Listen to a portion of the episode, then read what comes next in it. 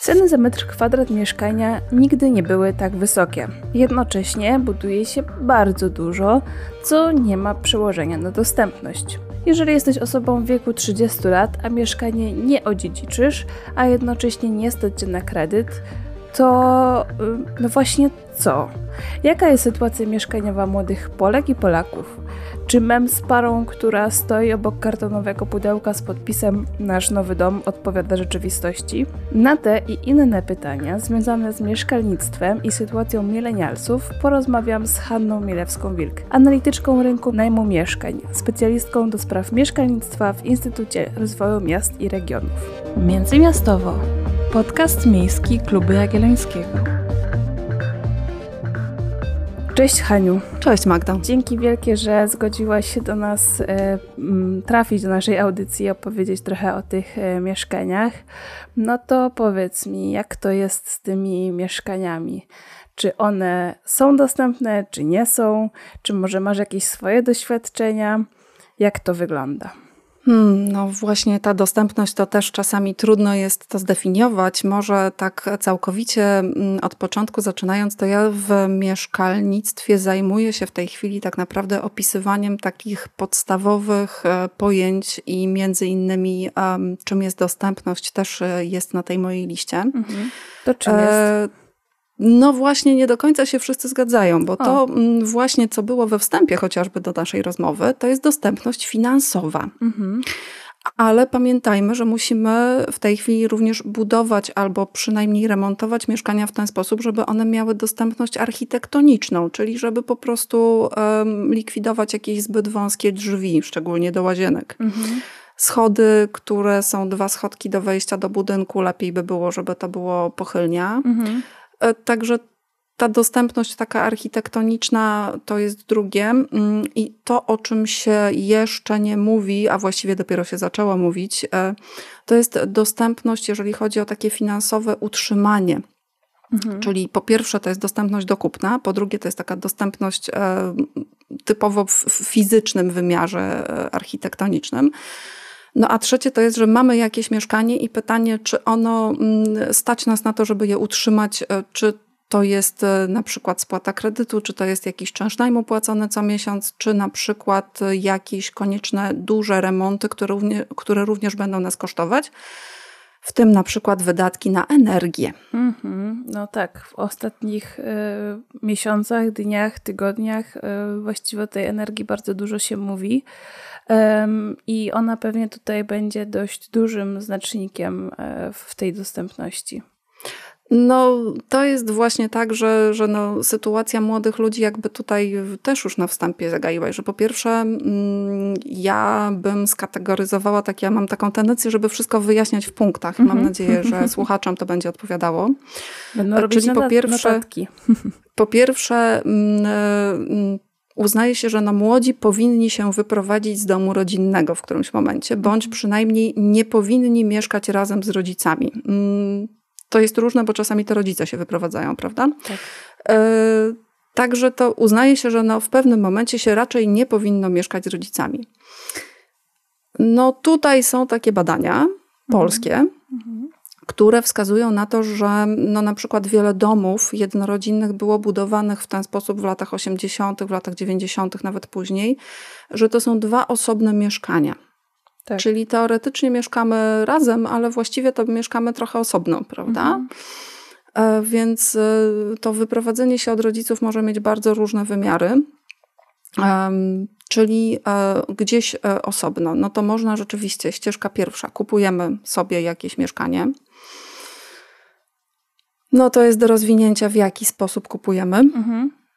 Ścieżka druga, bardzo często mm, w tej chwili mm, dla większości studentów e, uznawana za oczywistość. To są, ja mówię o studentach, bo to są takie badania przeważnie robione albo jako prace licencjackie, albo jakieś właśnie takie stosunkowo duże nawet ankiety uruchamiane w ramach zaliczeń różnych przedmiotów, to tutaj mam takie właśnie informacje od osób, które prowadzą takie prace, mm, że dla większości studentów najem, druga opcja najem, mhm. jest absolutnie oczywisty, żeby gdzieś pójść na swoje, żeby się usamodzielnić, przynajmniej na początek. Mhm. I to jest zdecydowanie najem rynkowy. Mhm. to raczej się tu nie mówi, że to jest najem jakiś tam właśnie wspierany, o obniżonym czynszu. Nie, to jest na razie najem typowo rynkowy, bardzo elastyczny, można sobie zmieniać stosunkowo często takie mieszkania, mhm. dopasować do swoich możliwości finansowych. No i trzecia opcja to są mm, takie rzeczy, które wymagają, ja bym powiedziała, rzeczy, które wymagają sporo takiego wysiłku organizacyjnego. No bo to jest na przykład budowa swojego domu. Mhm. Może być na działce podarowanej, może być jakieś odziedziczone.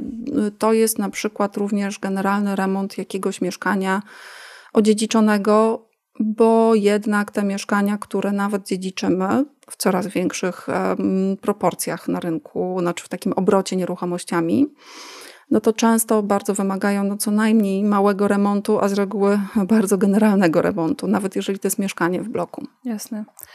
I teraz powiedz mi, czy generalnie jak e, tak sobie zbierasz te różne dane i widzisz, co tam się dzieje, to mm, jaka jest e, taka wypadkowa tego, co widzisz? E, jak to się rozkłada?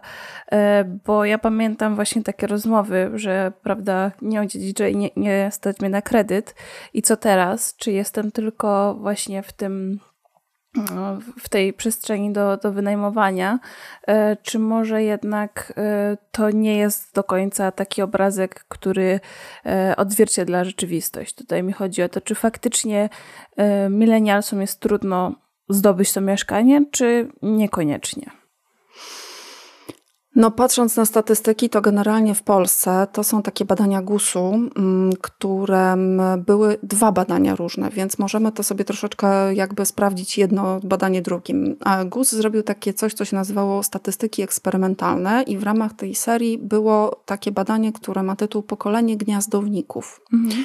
Czyli tu mamy badanie dotyczące tego, ile osób mieszka wspólnie z rodzicami, i uwaga, był parametr, nie założyli własnej rodziny. Mhm. To były osoby badane od 25 do 34 roku życia i wyszło, że więcej niż co, co trzecia osoba, 36% mieszka wspólnie z rodzicami.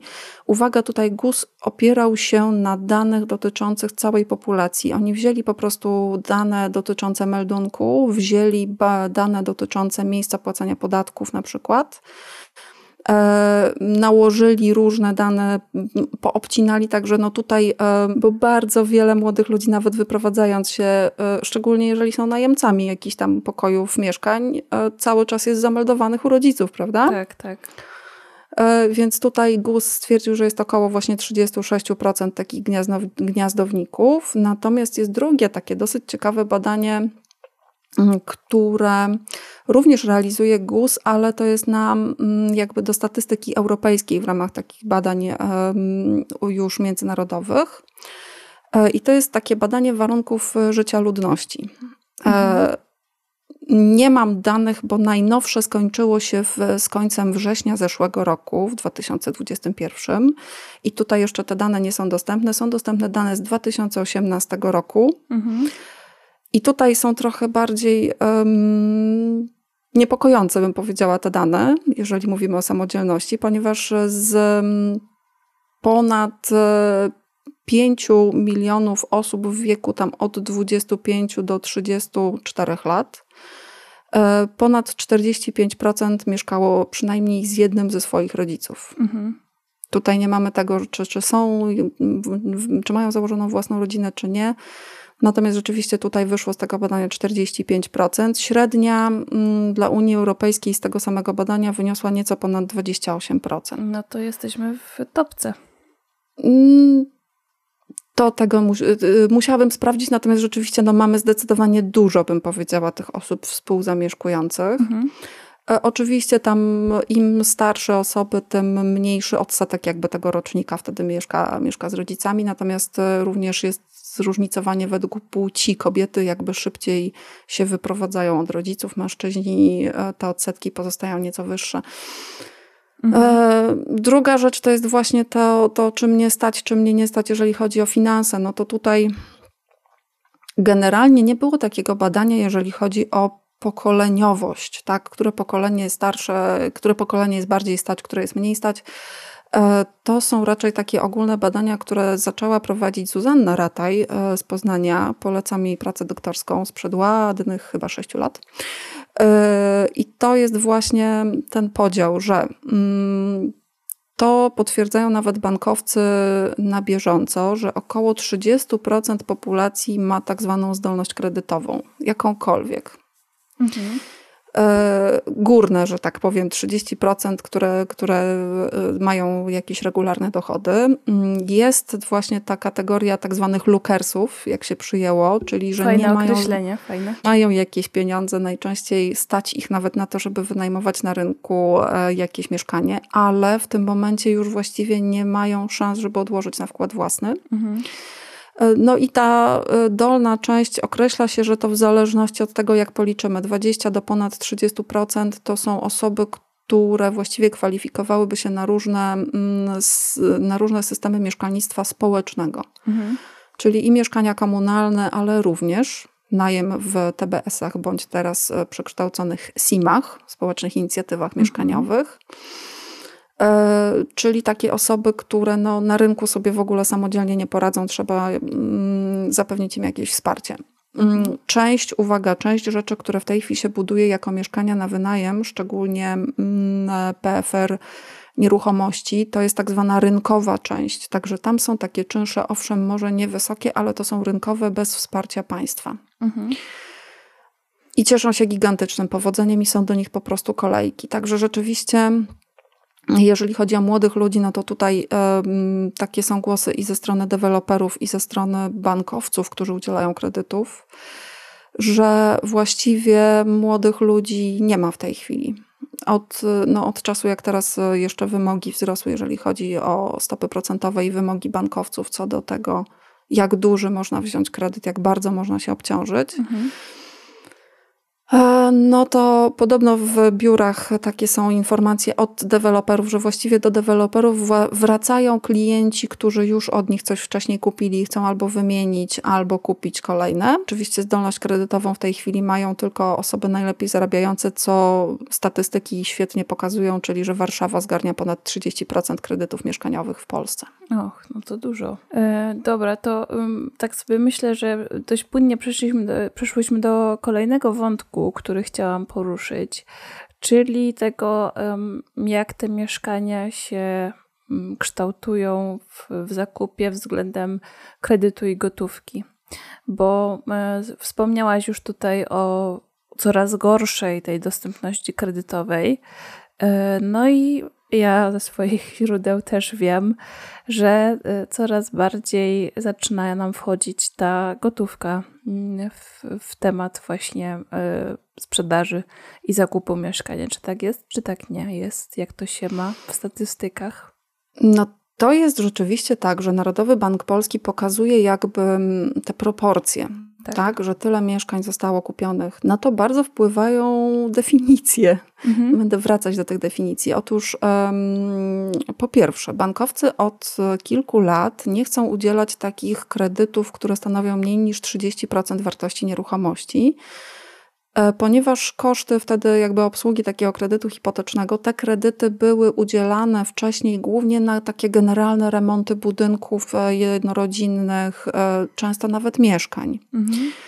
E, I bankowcy nie chcą w tej chwili, robią wszystko przez, przez doradców, żeby to był bardziej kredyt konsumpcyjny niż hipoteczny. I w tym momencie rzeczywiście jakby mm, wcześniej to było traktowane, że jest to mieszkanie kupowane za gotówkę, no bo mamy poniżej tam 50% udziału kredytu, e, więc e, siłą rzeczy jakby tutaj to widzimy, że tych kredytów, tej gotówki robi się trochę więcej ostatnio, a kredytów robi się mniej. Tylko no pamiętajmy, zmieniały się bankowe wymogi co do tego, jaki powinien być wkład własny. Musimy mieć więcej gotówki na wkład własny, nawet do kredytu. Mhm. E, po drugie, obrót nieruchomościami nam bardzo od kilku lat przyspiesza. Tego nie widać może, jeżeli patrzymy na takie roczne zestawienia gusowskie, tego właśnie obrotu nieruchomościami.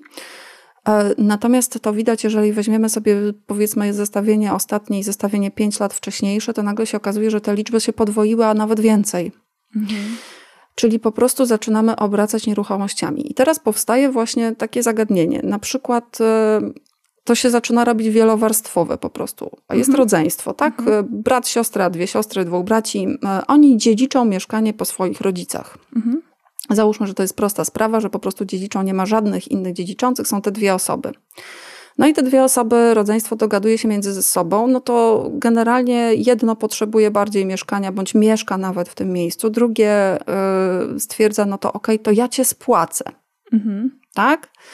No i tutaj się okazuje, że w jakiś sposób rzeczywiście albo jakąś gotówką, zaciągając jakiś kredyt, jedno z rodzeństwa spłaca drugie. No i w tym momencie albo decydują się, uwaga, sprzedajemy to mieszkanie i dostają za nie gotówkę, mhm. którą to gotówkę jedno z nich może oczywiście wykorzystać, żeby spłacić kredyt, a drugie może wykorzystać, żeby kupić mieszkanie. Mhm.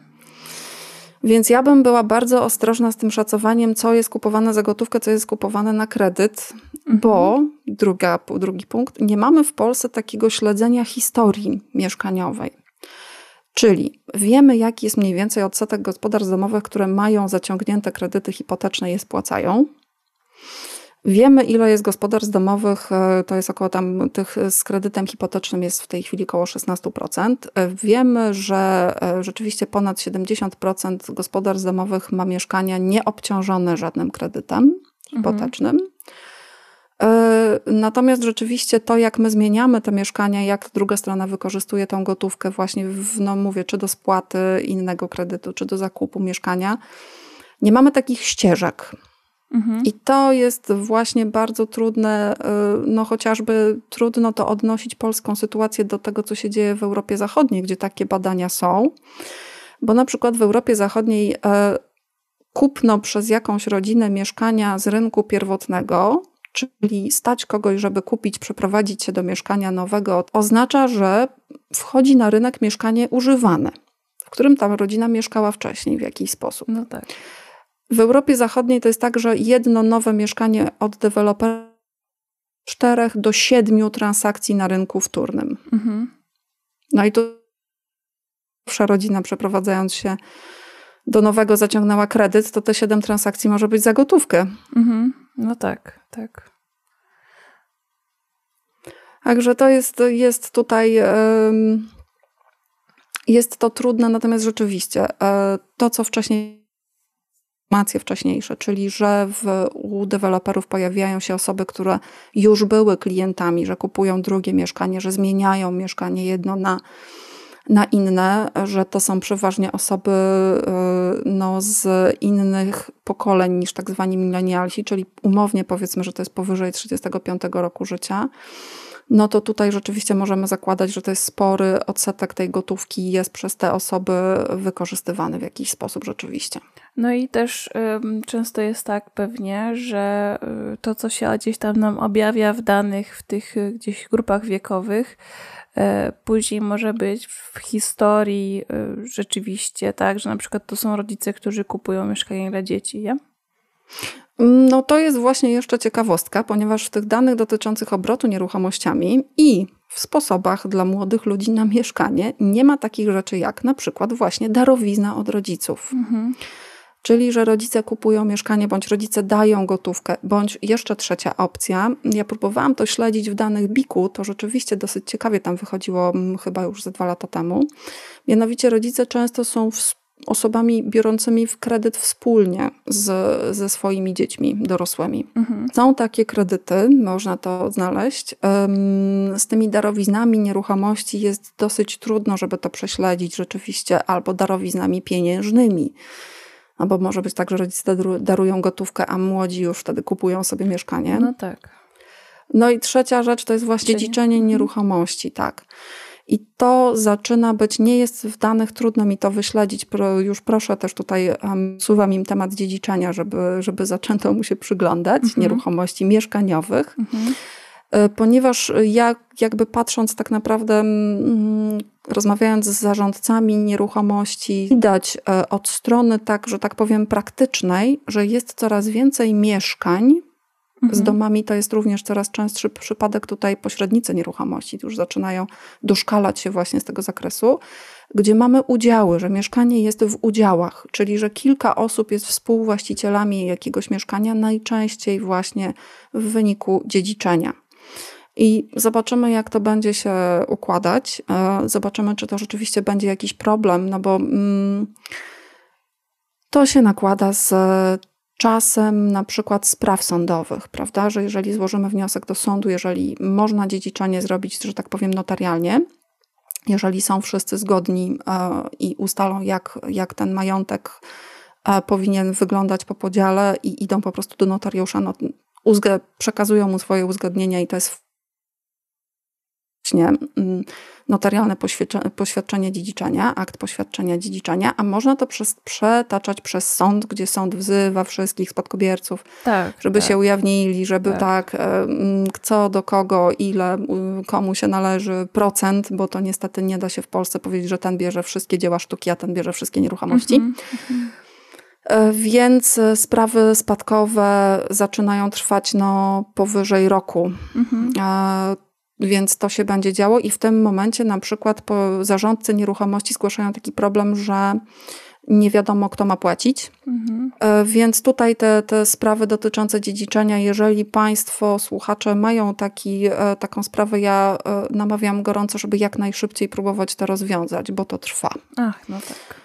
E, także to jest to dziedziczenie jakby. Nie wiemy ile osób, wiemy, że rzeczywiście mm, w takich informacjach, na przykład jak zbierane są dane dotyczące tytułu prawnego do zamieszkiwanego lokalu, coraz więcej osób mówi, że to jest lokal użytkowany ze względów jakichś powiązań rodzinnych. Natomiast jeszcze droga ostatnia, która również wymaga trochę wysiłku, a to rzadko wykorzystywana, ale można spróbować, w Polsce jest możliwość, że tak powiem, wspólnego budowania z kimś. Czyli niekoniecznie budujemy sami własny dom i w jakiś sposób wykorzystujemy kredytowanie mm, takie e, osobiste. Tu mówisz o kooperatywach? Kooperatywy mieszkaniowe, mhm. dokładnie. Ale można również, e, co ciekawy zapis w ustawie o kooperatywach mieszkaniowych jest taki, że on mówi, że sugestia tam jest, że jeżeli jest 15 bądź więcej uczestników kooperatywy, to jednak jest E, takie wskazanie, że dobrze by było założyć spółdzielnię mieszkaniową. Mhm. To jest również wprost wpisane, także rzeczywiście w tej chwili już od dwóch, ponad dwóch lat, od 2018 roku, spółdzielnie mieszkaniowe można nawet zakładać nowe, bądź spółdzielnie mieszkaniowe mogą budować, uwaga, mieszkania spółdzielcze lokatorskie. Mhm, czyli? I w tym momencie to jest taka konstrukcja, że to spółdzielnia zaciąga kredyt na budowę E, i spółdzielnie jakby zajmują się całą budową, natomiast e, spółdzielnie budują dla swoich członków. Mhm. E, jako członek takiej spółdzielni mieszkaniowej wtedy mamy prawo do właśnie spółdzielczego lokatorskiego lokalu i Owszem, spłacamy ten kredyt, który zaciągnęła ta nasza spółdzielnia, ale spółdzielnia nie może w żaden sposób zarabiać na nas. Mhm. Także jakby ten kredyt jest cały czas zawieszony na spółdzielni, ponieważ jeżeli jesteśmy w kooperatywie mieszkaniowej, to kooperatywa mieszkaniowa tak naprawdę w momencie wyodrębnienia lokali mieszkalnych, czyli oddania ich do użytkowania i przeniesienia własności na konkretne osoby, to już musimy założyć wspólnotę mieszkaniową i tutaj już musimy przenieść ten kredyt na siebie, tak jakby. No tak. Tak. A spółdzielnia, rozumiem, e, dalej działa um, jako cał całość, tak? Tak, a spółdzielnia działa jako całość i tutaj owszem, to uwaga, to jest właśnie spółdzielcze lokatorskie prawo do, do mieszkania. To nie jest najem, tak jak na przykład w towarzystwach budownictwa społecznego bądź SIM-ach. Tak. Um, to jest taki dosyć bezpieczny tytuł rzeczywiście. Mhm. E, prawny do, do lokalu i bardzo długoterminowy. E, także no, są takie możliwości niszowe. Czyli co, y, teraz byś sugerowała, że mm, powinniśmy reklamować różne właśnie kooperatywy, zakładanie spółdzielni e, i iść w tym kierunku, rozpowszechnić to, że tak możemy budować? Ja jestem raczej zwolenniczką propagowania wiedzy. Ja kiedyś sobie zrobiłam, to nie było badanie naukowe, ale zrobiłam osobiste, czy mm, na różnych zajęciach, z, czy to, to, to są takie szkolne zajęcia, czy to z WOS-u, czy z jakiegoś tam wychowania obywatelskiego. Teraz przyznaję się, że już e, nawet nie wiem, jak to się zmieniają nazwy, ale prześledziłam te podręczniki i tam nie znalazłam nic na temat na przykład e, pokazania czy samorządności, na przykładzie na przykład wspólnoty mieszkaniowej, gdzie jakoś e, tak niby każdy ma swój wydzielony lokal, ale wspólnie decydujemy o całym budynku. Mhm. E, czy na temat e, w ogóle czym jest spółdzielczość, to w ogóle nie ma w tych podręcznikach, nawet do jakiejś tam przedsiębiorczości czy innych. Także mm, ja po prostu uważam, że trzeba bardziej edukować, żeby ludzie wiedzieli, jaki mają wybór, z czego mogą wybierać że są jakieś inne możliwości niż po prostu zmienić pracę i wziąć kredyt, no tak? Aż, aż się prosiła, żeby tutaj wpleść ten wątek e, zmiany pracy i wzięcia kredytu. Tak, zacytować. No to mhm. nie jest dla wszystkich. Jasne. To rzeczywiście nie jest dla wszystkich, natomiast rzeczywiście w, tu widzę, mm, ja też doradzam często to, E, ja mam wrażenie, że nie bardzo jesteśmy nastawieni na taką współpracę, bo kooperatywy no to jest współpraca. Mhm. Jakiekolwiek spółdzielnie mieszkaniowe to jest współpraca i w dodatku jeszcze trzeba zachować formalności najróżniejsze. Tak. Nie lubimy tego, lepiej nie. się samemu wybudować, prawda? Tak, tak. Jeszcze, żeby się z nikim nie, nie musieć dogadywać i nie mieć żadnych sąsiadów, tak mam wrażenie, że tak by było najlepiej. No właśnie, także to mm, Czasami właśnie to, że, że z kimś jednak się jakoś porozumiemy, jest, jest jakimś wyjściem e, wspólnym, żeby ten kredyt nie obciążał bezpośrednio nas. Natomiast e, no, najem zawsze gdzieś będzie jeszcze kosztowała ta obsługa najmu, czy to jest najem komunalny. Mhm. To musi gmina utrzymywać jakiś e, swoje, czy to właśnie wewnątrz gminy jakieś wydziały dotyczące zasobów komunalnych czy administracji.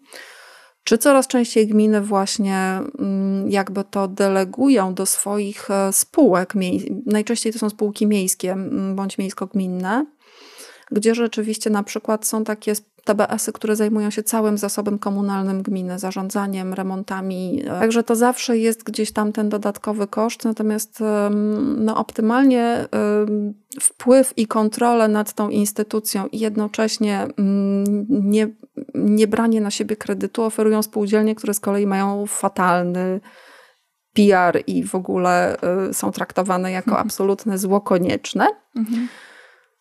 No, ale mają również dobre strony, jeżeli chodzi o taką, takie od strony formalnej. Gdybyśmy popatrzyli, no to mają swoje plusy. To ja bym chciała jeszcze tutaj e, wrócić o tych innych mm, formach, bo wspomniałaś o TBS-ach i mm, czy teraz już właściwie SIM-ach i mam wrażenie, że one mm, się tak przewijają w różnych dyskusjach, w różnych miejscach, ale w rzeczywistości jest tak, że nie za bardzo ludzie wiedzą, czym to jest. Jak nie wiedzą, to od tego uciekają. Więc tak może dwa zdania o tych TBS-ach, jakbyś nam przybliżyła, e, czy to też jest opcja i czy to jest dobra opcja. To jest opcja dobra. To jest niestety opcja bardzo rzadko spotykana. Także mm, ja kiedyś próbowałam zaprosić e, przedstawiciela TBS-u na przykład na mm, taki wykład, czym są TBS-y. No to w odpowiedzi dostałam, że oni właściwie się nigdzie nie muszą reklamować, bo oni i tak mają zawsze kolejki, nawet mhm. jeżeli nic nie budują. Mhm. E, więc TBS-y to jest po pierwsze e, najem. Pamiętajmy, że to jest najem. To, to nie jest własność. To, jest to nie jest własność, to jest typowa umowa najmu. Tak, te umowy najmu są opisane w osobnej ustawie. E, także rzeczywiście tutaj mamy jakby gwarantowane to, że e, czynsz najmu nie będzie nigdy wyższy niż 4% wartości odtworzeniowej lokalu. Mhm. E, także tu, tu jest ten najem taki dosyć ograniczony, jeżeli chodzi o to, jak drogie to może być i jak szybko może również rosnąć ta stawka i czy można mm, Ludzie traktowali to często, mm, ja takie ogłoszenia widywałam i widuję ciągle na przykład w różnych portalach nieruchomościowych, że sprzedam mieszkanie w TBS-ie. Mhm. Tego nie można sprzedać. Uwaga na to, nie można wziąć żadnego kredytu i tak naprawdę to, co podlega mm, takiemu obrotowi, to jest tak naprawdę prawo do zamieszkania. Tam prawo do wstąpienia w umowę najmu w miejsce tej osoby, która chce się wyprowadzić z TBS-u, tylko uwaga, ta osoba, która chce się wyprowadzić, chce odzyskać po pierwsze swój wkład własny, mhm. to kiedyś było nawet 20-30% wartości lokalu. Takie TBS-y zbierały tak zwane partycypacje. Mhm. E, a po drugie chcę odzyskać nakłady, które poniosła na wykończenie tego mieszkania, jakby na, na jego utrzymanie go w dobrym stanie technicznym. Mhm. Także tutaj pamiętajmy, że to jest jakby ktoś sprzedaje prawo do zawarcia umowy najmu z TBS-em, ale druga gwiazdka, TBS-y zawsze mogą mieć swoje warunki, kogo wybierają i swoje jakby warunki, jakie zarobki powinien mieć, bo uwaga, do TBS-ów wymagane są pewne zarobki, żebyśmy mieli tak zwaną zdolność czynszową. Mhm. E, czyli TBS, pamiętajmy, że to jest przede wszystkim najem. Owszem, gdzieś tam jest jakiś kredyt, który jest na tym TBS-ie, ale to nie najemcy spłacają ten kredyt, tylko TBS. I w momencie, nawet jeżeli ten kredyt się skończy, to wcale nie znaczy, że spadną nam czynsze najmu, bądź e, że będziemy mogli dojść do własności.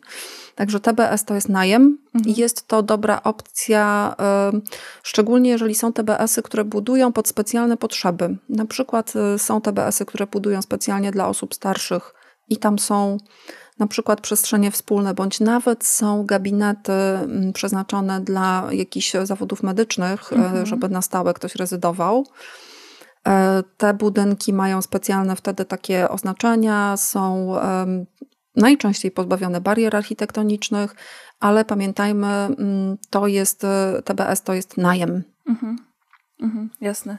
Um, tutaj o, o, tych osobach starszych i pomyślałam, że może by było też warto powiedzieć, bo e, chciałam ten, ten odcinek poprowadzić wokół prawda, mieszkań milenialsów e, i jakby jest to mi najbliższe, natomiast e, tak słowo jeszcze gdybyśmy powiedziały o tych innych, którzy mają problem z taką, z dostępem do mieszkań. E, właśnie wspomniałaś o tych osobach starszych i tutaj może byśmy tak słowo powiedziały, kto jest w tej luce czynszowej i co jest tą luką czynszową, żebyśmy też miały dopełnienie tych wszystkich naszych definicji. Mm, no, to tak naprawdę to, to przy, w kontekście osób starszych to nie wiem, jak mogę powiedzieć o luce czynszowej, natomiast jest e, e, w tej chwili patrząc tak naprawdę czysto na dane jak patrzymy, to niestety jest problem taki, że osoby starsze e, są najbardziej narażone na problemy dotyczące złej jakości miejsca zamieszkania. Mhm. To jest tak, że patrząc na statystyki, widzimy, że im starsze osoby, tak naprawdę po 50 mm, którymś roku życia, to są dane z kolei Narodowego Banku Polskiego z takiego badania zamożności gospodar za, zasobności gospodarstw domowych. Oni tam badali majątek, mhm. czyli wszystko, co się posiada, i długi, i nieruchomości, i zasoby różne e, to wynika, że powyżej rzeczywiście 55 roku życia większość, zdecydowana większość to są właściciele nieruchomości, w której mieszkają. Czyli ten, powiedzmy, że te pokolenia seniorów to w tej chwili są w miarę dobrze zabezpieczone. To są, tak, to są te osoby, które się uwłaszczyły na e, lokalach, czy to spółdzielczych, czy jakichś dawnych miejskich, czy zakładowych różnych.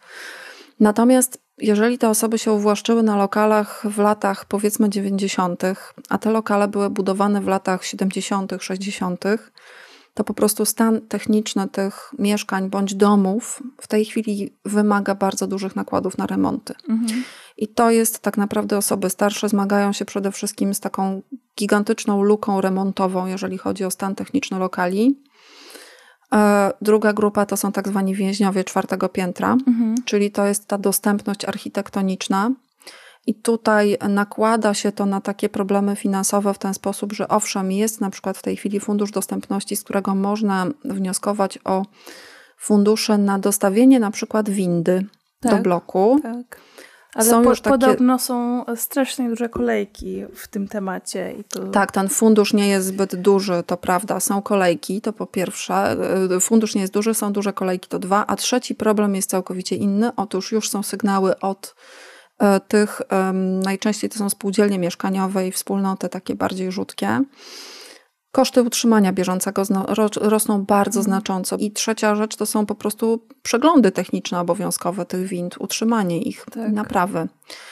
E, więc to jest właśnie ten problem taki, że rosną te koszty, mimo że na przykład jest to sfinansowana taka dostawienie, dobudowanie windy jest sfinansowane z funduszu dopłat, to koszty utrzymania są po stronie mieszkańców. Czyli y, tutaj jakby wskazujesz na, na problemy właściwie trochę inne niż sama ta luka czynszowa, prawda? Znaczy rosną koszty utrzymania mieszkania. Tak I te koszty utrzymania mieszkania dla wszystkich rosną szybciej niż są um, waloryzowane emerytury i renty. Mhm.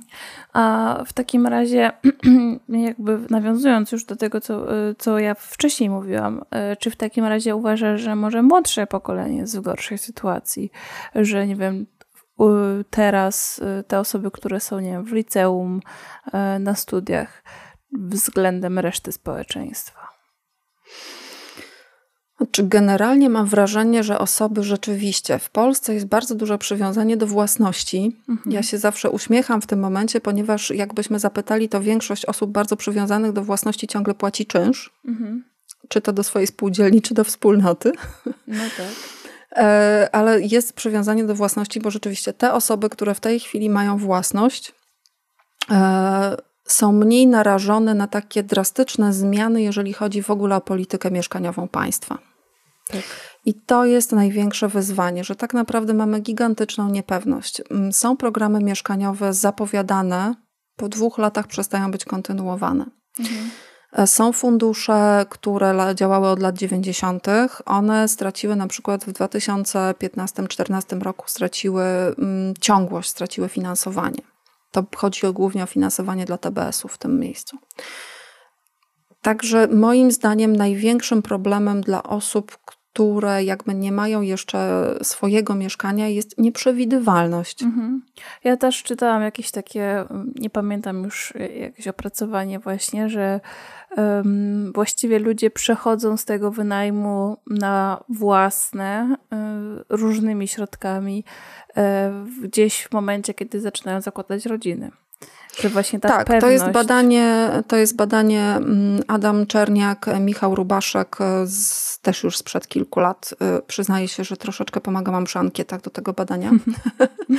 Ale to było badanie tak, że dokładnie to było w ten sposób, że mm, dopóki jesteśmy młodzi, elastyczni i chcemy łatwo zmieniać miejsce zamieszkania, miejsce pracy, mm, w tym momencie cenimy najem, w momencie, kiedy zakładamy rodzinę w dowolny sposób, czy to będzie zawarcie związku małżeńskiego, czy po prostu e, podejście do rodzicielstwa, mhm.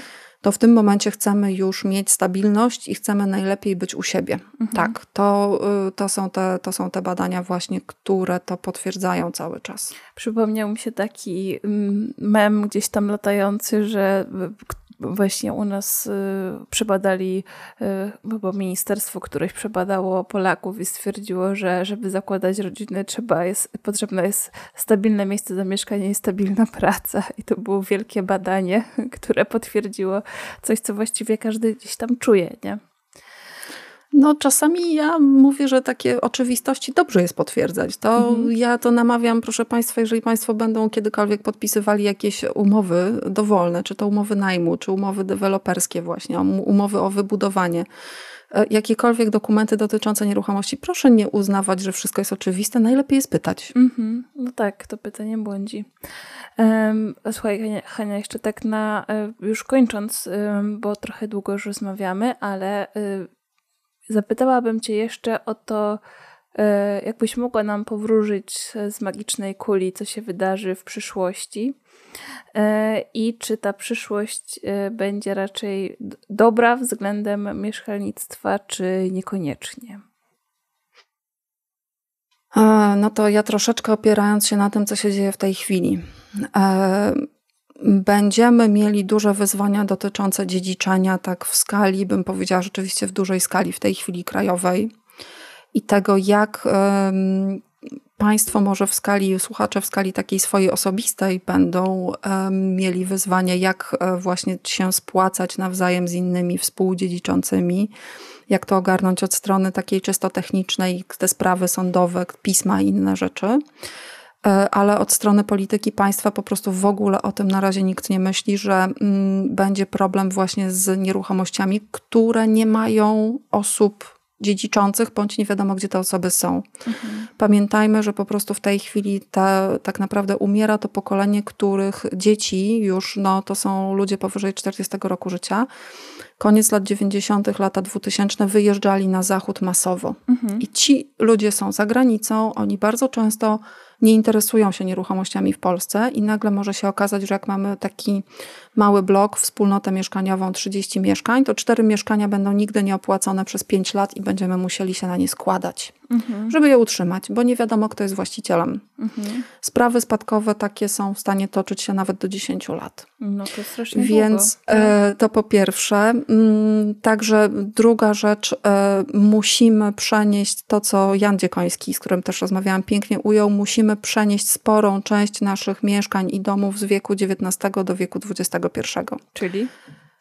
E, no to w tej chwili już jest całe poszukiwanie alternatywnych źródeł ogrzewania, czyli nie gaz, nie węgiel, ale najlepiej pompy ciepła, mhm. panele, e, inne, inne jakieś sposoby. E, izolacja, no i w części nieruchomości w ogóle podłączenie nawet podstawowych mediów typu kanalizacja. Mhm. Czyli to, to dalej występuje, tak? No tak, mamy ciągle z tym problem i pamiętajmy, że również wymiana instalacji elektrycznych na takie nowe, które są w stanie wytrzymać coraz więcej urządzeń, które podłączamy no w domach tak. i w mieszkaniach. Super, szybki, Także... super szybki internet. No to akurat, y, co ciekawe, coraz rzadziej po kablach, ale no prąd po prostu, tak? Prądu mhm. potrzebujemy i prąd ciągle mamy po kablach, także aluminiowe instalacje, niestety konieczna jest ich wymiana i wewnątrz mieszkań, i w budynkach całych. To powolutku się dzieje. E, także tutaj e, takie remonty nie zwolnią, bym powiedziała. Mhm. I pamiętajmy, że na te remonty prawdopodobnie będziemy wydawać niestety coraz więcej, bo coraz wyższe są wymagania dotyczące właśnie chociażby takiej izolacji, mhm. żeby łatwiej było utrzymać ciepło właśnie w takim, w takim mieszkaniu. No i nowe technologie, czyli oczyszczacze powietrza, jakaś rekuperacja, wymienniki Także tu y, będzie wyzwanie. Y, ale rozumiem, że mówisz to względem mieszkalnictwa w blokach, tak? W domach również, Właśnie. w domach również, bo domy na przykład są domy w świetnych lokalizacjach, nawet w miastach, natomiast te domy są w stanie technologicznym takim, że właściwie nie da się w nich zamieszkać, prawda? Mhm. Bo właśnie jak, jak wspomniałaś e, o tych kosztach, e, no to największym problemem względem kosztów są właśnie domy, nie? W, w, w, utrzymania tego ogrzewania, później wymiany. W tych wspólnotach, w blokach to się jakoś tam mniej więcej jeszcze rozkłada, nawet taka No i tutaj możemy korzystać czy z funduszu dopłat, czy z funduszu termomodernizacji, także tutaj takie mm, bardziej sformalizowane wspólnoty mieszkaniowe i spółdzielnie mieszkaniowe na bardzo dużą skalę korzystają z preferencyjnych kredytów. Mhm. Natomiast w domach to powolutku się toczy. Są takie z Funduszu Ochrony Środowiska, są różne w tej chwili różne narzędzia. Samorządy uruchamiają te dopłaty do wymiany pieców chociażby. Mhm, tak, tak. No ale w domach jest dużo mniej narzędzi, żeby, żeby sobie ułatwić bądź rozłożyć jakoś te koszty remontu. Tak sobie Także... teraz myślę, y, czy, czy nie pojawi się wobec tego może jakiś taki trend sprzedaży tej nieruchomości, E, prywatnym deweloperom, żeby tam wybudowali dom, bo pewnie to jest dom, który nie jest jakoś tam e, w sąsiedztwie domów, tylko może powstać coś większego w tym miejscu, nie? No to powolutku jest taki trend właśnie, e, jak na razie taniej jest zbudować całkowicie na takim, że tak powiem, gołym gruncie, mhm. niż remontować bądź zburzyć to, co mamy, bo Kolejny punkt, tak naprawdę przy remontach i wyburzeniach w tej chwili są bardzo restrykcyjne zasady dotyczące sortowania odpadów. No tak. I recyklingu. To jest ogromny problem względem środowiska też, odpady budowlane. Także no, jest taki nacisk, zaczyna być taki nacisk e, i zainteresowanie rosnące w, jakby wtórnym wykorzystaniem, czy remontami nieruchomości, czy właśnie wykorzystaniem zabudowanych w jakikolwiek sposób działek, czy to nawet są jakieś Często działki z garażami, z warsztatami, które łatwiej jest troszeczkę zburzyć i zbudować tam nowe mhm. domy z mhm. odpowiednimi parametrami technologicznymi. E, ale mm, no to, to, będzie, to będzie wyzwanie. Mm, ostatnie e, czekam, przyznaję się, na jeszcze takie wyniki spisu powszechnego bardziej lokalne. Mhm. E, bo tutaj dużo, duże znaczenie będzie miała ta nasza liczba ludności i to, że jednak wolimy mieszkać w miastach i prawdopodobnie w tych największych miastach te ceny nieruchomości i ten rynek deweloperski wcale nie zmniejszy się. Mhm. Natomiast rzeczywiście będą się wyludniały wsie, y, małe miasta, średnie miasta będą się wyludniały. To zresztą jest już od kilku lat widoczne w różnych tak, takich badaniach tak. i reportażach. Także tutaj, jeżeli mają Państwo dom, powiedzmy gdzieś w miasteczku około 15-20 tysięcy mieszkańców i ten dom był budowany przed 94 rokiem, no to nie wiem, czy będzie go łatwo sprzedać. Mhm. Chyba, że coś się magicznie odmieni, w co wątpimy. No i ostatnia rzecz, z, z, punktu widzenia dużych miast wszyscy mówią, że o, praca zdalna, praca zdalna. O właśnie. No ja nie jestem nastawiona na entuzjastycznie do tego. Wszyscy nie damy rady pracować zdalnie. Nauczyciele, proszę Państwa, muszą być w szkole. Mhm. Nawet czasami mając zdalne lekcje, muszą być w szkole. Większość urzędników, którzy przyjmują od nas jakieś wnioski, chociażby wymieniałam dowód osobisty, mhm. muszą pracować na miejscu. Nie da się tego odmiejscowić. Tak. E, no, wszyscy, cała służba zdrowia, osoby, które pracują bezpośrednio gdzieś z klientem, no to oni muszą być w Jasne. pracy. Więc praca zdalna dotyczy. Raczej się pojawiają teraz chyba motywy pracy hybrydowej, nie? że nawet dla takiego budowania zespołu jednak to pojawienie się raz na czas w biurze pomaga że część można tak, część obowiązków, nawet jeżeli urzędnik powiedzmy przez trzy dni w tygodniu rzeczywiście musi być i przyjmować jakieś konkretne wnioski, to może pewne dokumenty rzeczywiście obrobić, że tak powiem brutalnie, potem zdalnie. Tak. No, ale ja bym y, aż tak nie y, ceniła pracy zdalnej. Owszem, y, internet jest bardzo potrzebny i tam, gdzie nie ma zasięgu internetu, to będzie bardzo trudno sprzedać nieruchomość, szczególnie taką mieszkaniową na stałe, bo mhm. może uda się Państwu to zrobić jako samotnie, turystyczną, na czas określony, tak, jak tak. ktoś chce uciec i się wyłączyć, mhm. no to wtedy tak, natomiast do mieszkania na stałe jest to coraz e, bardziej istotne właśnie. Także praca zdalna ma znaczenie, troszeczkę może zmienić dla tych średnich, mniejszych miast, ale to jest e, wcale nie tak dużo ludzi, którzy, którzy mogą na stałe w ten sposób pracować. Jasne. E, czy masz coś do dodania jeszcze? Jakieś, e, nie wiem, rekomendacje, co powinniśmy robić albo czego nie robić? Czy już uważasz, że wszystko powiedziałeś? Mm, wszystkiego to się nie da. Mam nadzieję, że Państwo, mam nadzieję, że Państwo będą mieli jakieś pytania po wysłuchaniu e, tego, coś zaczną sprawdzać i zastanawiać się, co mogą zrobić w, swoim życiu, we własnym zakresie. Mhm. E, bo zawsze takie własne poszukiwania przynoszą potem jakieś może e, dobre efekty. E, co bym polecała? No to co zawsze powtarzam, pytać i sprawdzać dokładnie, czy, czy przede wszystkim brutalnie mówiąc, wiedzą Państwo, w co się Państwo pakują.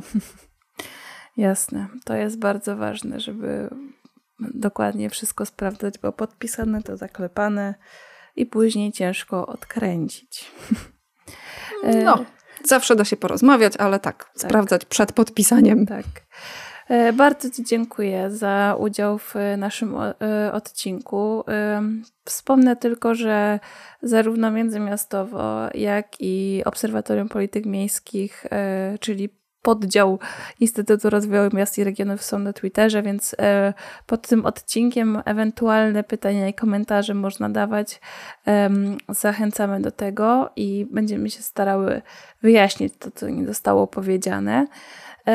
Bardzo Ci dziękuję za, za udział w e, naszym odcinku e, i to chyba właściwie e, tyle na dzisiaj. Produkcja tego odcinka została sfinansowana ze środków otrzymanych w ramach programu rozwoju organizacji obywatelskich na lata 2018-2030, których operatorem jest Narodowy Instytut Wolności Centrum Rozwoju Społeczeństwo Obywatelskie.